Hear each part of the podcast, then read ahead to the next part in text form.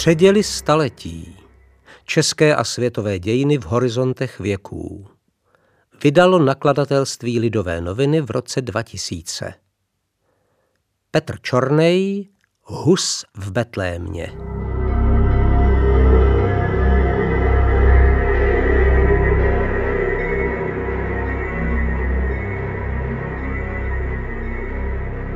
V onen červencový den roku 1404 doprovázel obávaného lapku Zůla na popraviště před Prahou kněz, který sotva dosáhl kristových let. Podle pověsti zapůsobil na otrlého zločince natolik, že se dopadený zemský zhoubce obrátil k davu přihlížejících a pronesl slova plná pokory. Svatá obci, prosím tě vás, poproste za mě Pána Boha. Duše posázavského loupežníka však vzhledem ke spáchaným ukrutnostem nemohla dojít kýženého spočinutí v nebeském království. Klidu se ale nedočkali ani rytířovi tělesné ostatky. Říkalo se, že Zůlovo tělo vyselo na šibenici sedm let, než nějaký podivín urval mrtvole nohu. Nikoliv ovšem s cílem získat neobvyklý fetiš. Chtěl pouze vyselce strhnout a poté pohřbít. Jak to bylo dál, makabrózní příběh neprozrazuje. Víme jediné. Zatímco Zůlovo jméno dávno zmizelo v dějiném propadlišti, kněz, jenž mu údajně poskytl poslední duchovní útěchu, do historie nesmazatelně vstoupil. Byl jím Jan Hus. V době Zůlovy popravy byl mistr svobodných umění Jan Hus již více než dva roky kazatelem v betlémské kapli na starém městě Pražském. Bylo to místo významné a zodpovědné. Kaple vybudovaná v letech 1391 až 1394 však oficiálně nesla jiné pojmenování byla zasvěcena památce nevinátek, respektive mláďátek, jejichž svátek připadá v katolickém kalendáři na 28. prosinec. Církev tak připomíná osud děťátek pobytých ukrutným králem Herodem v době Ježíšova narození. Staroměstský měšťan Kříž povoláním Kramář jako spoluzakladatel objektu dokonce kapli věnoval domělý ostatek jednoho z mláďátek, což dokumentuje úctu prokazovanou relikvím i v pražských měšťanských kruzích. Šíření kulturních a módních vlivů z vyšších společenských vrstev do skupin zaujímajících nižší místo na sociální vertikále, tu máme doloženo v krystalicky čisté podobě – na schromažďování ostatků svatých si druhá polovina 14. století potrpěla. Karel IV. byl touto činností přímo posedlý a sloužil jako vzor hodný následování. Vystavování řížských svátostin první neděli pohodu velikonočním v novoměstské kapli Božího těla náleželo dokonce k největším událostem v každoročním rytmu pozdně středověké Prahy. Bohatý měšťan Kříž dával svým postojem najevo svou zbožnost snad méně okázale než společenské elity, o to však upřímněji. Pro budoucí svatostánek vyčlenil pozemek zvaný Skalsko, situovaný v těsné blízkosti svého domu. Samotná kaple svatých nevinátek byla stavbou prostou a záslužnou. Její založení proběhlo velmi rychle a souhlas k němu dali významné postavy tehdejší doby. Darování pozemku potvrdil jak král Václav IV., tak pozdější oběť jeho hněvu generální vikář pražského arcibiskupství Jan Spomuka, nynějšího Nepomuka. Proslulý katolický světec se tak paradoxně podílel na vzniku kolébky husického hnutí. Hned v zápětí zřídil Jan z Mülheimu, významný dvořan a rádce Václava IV., nadání pro českého kazatele – tento dokument bývá obecně považován za vlastní zakládací listinu betlémské kaple, jejíž zrod konfirmoval sám arcibiskup Jan Jenštejna. Osudem zkoušený metropolita podle Husova svědectví prý položil i základní kámen jednoduché, leč rozlehlé stavby. O tom, zda by tak Jenštejn učinil, kdyby tušil, co z Betléma vzejde, lze oprávněně pochybovat. Kaple vznikla jako soukromý objekt, což mělo své výhody i nevýhody. Hlavní smysl její existence vyložil v zakládací listině Jan z Milheimu. Správce kaple a kazatel v jedné osobě byl nahlas zvonu každého dne církví slaveného zavázán kázat slovo boží obecnému městskému lidu v obecné češtině, a to ráno a po obědě, v době adventní a postní jen ráno. Sloužením vše ponechával nakazatelově svědomí. Vzhledem k poslání šířit boží slovo v českém jazyce se kapli od počátku říkalo Betlehem, česky Betlém, což podle dobového teologického výkladu znamená dům chleba. Chléb tu byl chápán jako duchovní potrava poskytovaná zbožným posluchačům. Pan Jan si vymínil navrhnout prvního správce a kazatele, jímž se stal kněz Jan Protiva z Nové Vsi.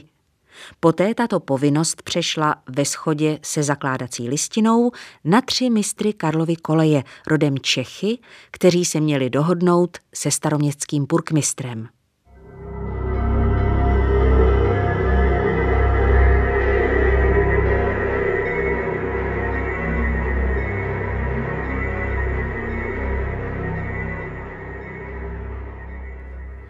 Okolnosti zrodu a umístění betlémské kaple naznačují širší a nesporně zajímavý historický kontext. Zatímco kramář Kříž náležel k obdivovatelům strhujícího kazatele a moralisty Milíče z Kroměříže, zesnulého již roku 1374, pocházel rytíř Jan z Mülheimu z patricijské rodiny usedlé ve Sleské Vratislavy. S českým prostředím však rychle srostl – jako člen Královské rady držel záštitu nad náboženským bratrstvem Kladěva a Obruče, působícím u zmíněné novoměstské kaple Božího těla. Významní příslušníci této korporace podporovali panovníka v jeho zápase s arcibiskupem Jenštejnem a později sympatizovali s Husem. Jak vidno, nebyl Václav IV. zdaleka takový neznaboch, jakého z něj dělali jeho protivníci v českých zemích i v říši. Janovou chotí pak byla česká šlechtična Anna Zajícovna z Hasenburka, sestra pozdějšího pražského arcibiskupa Zbyňka, téhož Zbyňka, který na Čejchanově hrádku dobil a zajal Lapku Zula. V Čechách se prostě, ostatně jako dnes, znal každý s každým. Vyvstává proto otázka, zda za zbožnou iniciativou královského dvořana nemáme spíše hledat podnět jeho manželky. Novostavba kaple, pojatá jako nečleněný prostor o rozloze 798 metrů čtverečních a schopná pojmout až 3000 posluchačů, to je asi třináctinu obyvatel pražského souměstí, se osobou kramáře kříže i svou polohou hlásila k milíčovskému odkazu. Jen pár kroků ji dělilo od bývalého Milíčova Jeruzaléma, který zbožný kazatel zřídil jako vzornou obec v prostoru mezi nynější Bartolomějskou a Konviktskou ulicí, kde tradičně stávaly nevěstince, katovský příbytek a domky pražské spodiny. Právě sem zaměřil Milíč z Kroměříže své úsilí při napravování padlých žen a slavil nesporné úspěchy. Frejířku Anku, která se na pokání dala jako první, následovaly mnohé její družky, jimž útulek u kostela svatého Jilí záhy nepostačoval. Z prostorové tísně pomohla Milíčovi náhoda. Na jaře 1372 se v nechvalně známém Hampejzu Benátky porvali při hře v kostky královští dvořané směšťany, na čemž by nebylo nic zvláštního, kdyby událost nerozrušila císařovnu Alžbětu Pomořanskou. Zneklidněný Karel IV. pak snáze vyhověl žádosti, aby Hampejs zrušil a odevzdal podmilíčovu zprávu. Objekt byl rozsáhlý, takže poskytl přiměřené útočiště početným kajícnicím, holdujícím kdysi nejstaršímu ženskému řemeslu. Záhy tu Milíč vystavěl i kapli příznačně zasvěcenou nejslavnější napravené hříšnici svaté Maří Magdaléně a dále svaté Afře a Marii Egyptské. Pod svou duchovní zprávu získal postupně dalších 21 okolních domů a k bývalému nevěstinci přikoupil pozemky, jejichž část obdržel díky závěti Keruše Hofartové, nejznámější pražské bordelmama oné doby. Celý komplex sloužil též jako kazatelské středisko. Jeho pojmenování se zjevně inspirovalo slovy apokalypsy. Viděl jsem město svaté Jeruzalém nový, sestupující od Boha z nebe, připravený jako nevěstu okrášlenou. Moravského vizionáře vzorná obec pomáhající bojovat proti antikristu dlouho nepřežila. Po Milíčově smrti daroval panovník Jeruzalém i z kaplí Maří Magdalény cisterciáckému řádu. Nicméně domy obývané komunitami tzv. bekyní přetrvaly v okolí pozdějšího betlémského náměstí dlouhá desetiletí.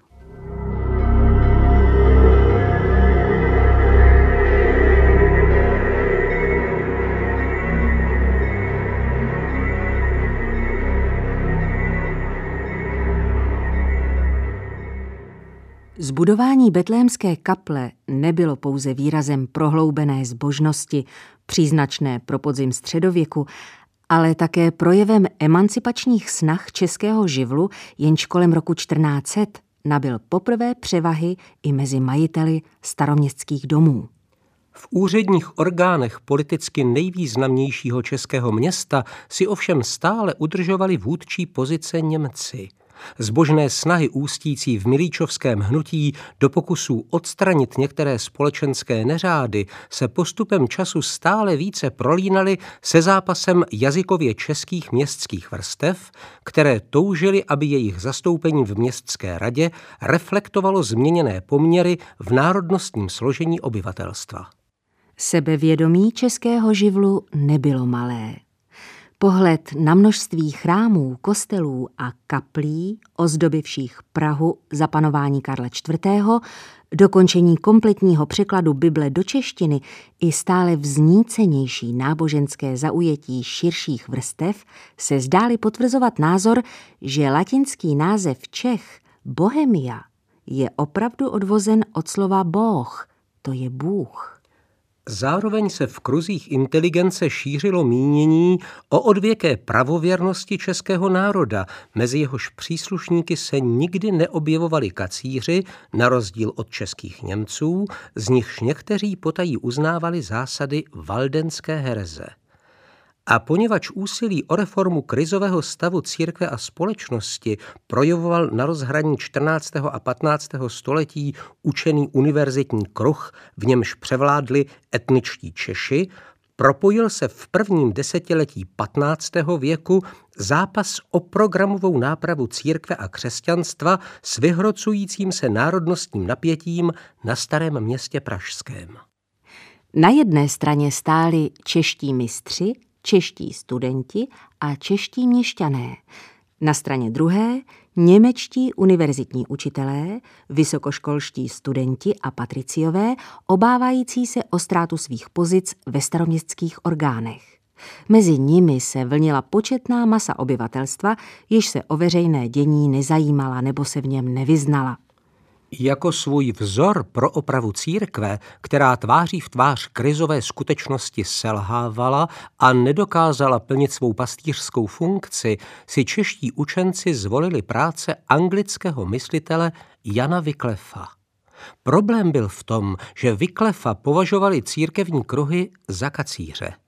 Němečtí mistři tak měli od počátku k dispozici silnou protizbraň. Učenecká klání však zatím veřejnost příliš nevzrušovala. Zápas, který po roce 1400 začal hýbat Prahou a posléze přerostl v husickou revoluci, byl ale neodvratný. Betlémská kaple v něm zaujala ve shodě se svým původním určením roli jednoho z nejdůležitějších center České reformní strany. Vždyť o jmenování jejího správce a kazatele rozhodovali čeští univerzitní mistři.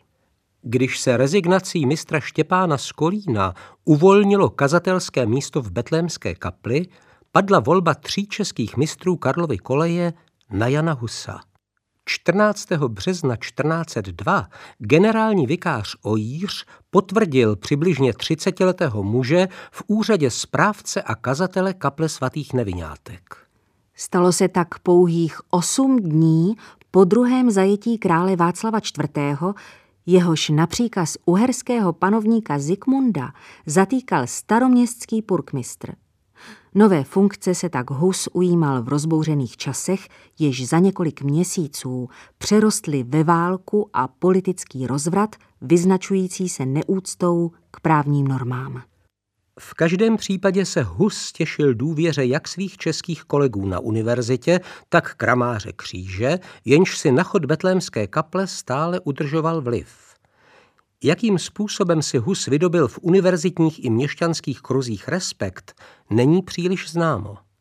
Historikové se dokonce dosud neschodli, kde se český reformní myslitel narodil, ačkoliv více okolností svědčí ve prospěch Husince u Prachatic, než pro stejnojmenou ves ležící severně od Prahy. Podle vyprávění z konce 15. století přivedla Husova matka svého Jana do prachatické školy, nesouc školmistrovi jako dar pecen chleba. Na pětikilometrové cestě prý sedmkrát poklekla a modlila se za svého synka. Podání je to nesporně jímavé, o husových rodinných poměrech však prozrazuje pramálo. Z náhodných zmínek víme, že Hus měl bratra, jehož syn jako nesvědomité mladíky nedoporučoval k případnému kněžskému poslání. Sám ovšem za svých studií po příchodu do Prahy rozhodně nepatřil ke vzorům ctností. Jeho cílem bylo dosáhnout rychlého materiálního zabezpečení a společenského postavení, aby měl dobré růcho a byl lidem vrácen.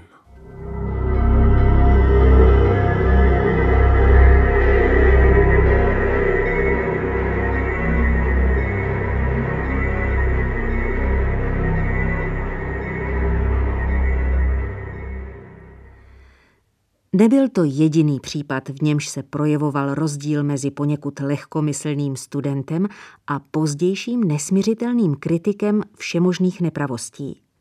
Mladý Hus rád hrával šachy, pil s chutí víno a v pubertálním věku se zúčastňoval paradoxně o svátku mláďátek rozpustilé koledy, při níž studentský biskup výjížděl sedě na živé oslici do kostela a jeho druzy s tvářemi ukrytými za škraboškami rozjíveně bučeli. Hus sám s odstupem času trpce litoval, že byl z té rubriky bláznivé a neodolal rozpustilým kratochvílím. Ani jako student Fakulty svobodných umění husinecký rodák zvláště nevynikal. Bakalářské hodnosti dosáhl až ve 22 letech, tedy v porovnání s tehdejšími zvyklostmi relativně pozdě. Za to ve skupině se stejně starým Jakoubkem ze Stříbra. Ti dva už k sobě budou patřit nastálo.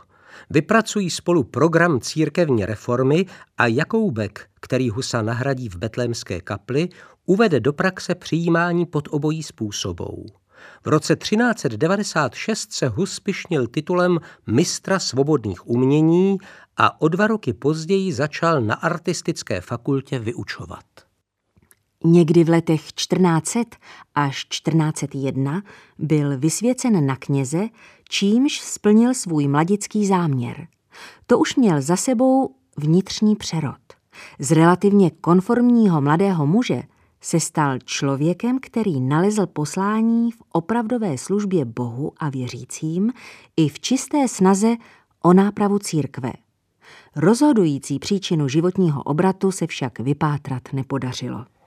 Kazatelské ostruhy získal Hus zřejmě ve staroměstském kostele svatého Michala, v témž objektu jehož nedávná komerční přeměna vzbudila tolik rozhořčení a protichůdných názorů. Není divu. Vykopávat kosti dávno mrtvých lidí z kdysi posvěceného prostoru a skladovat je na hromadách není pochuti ani otrlému sklonku 20. století.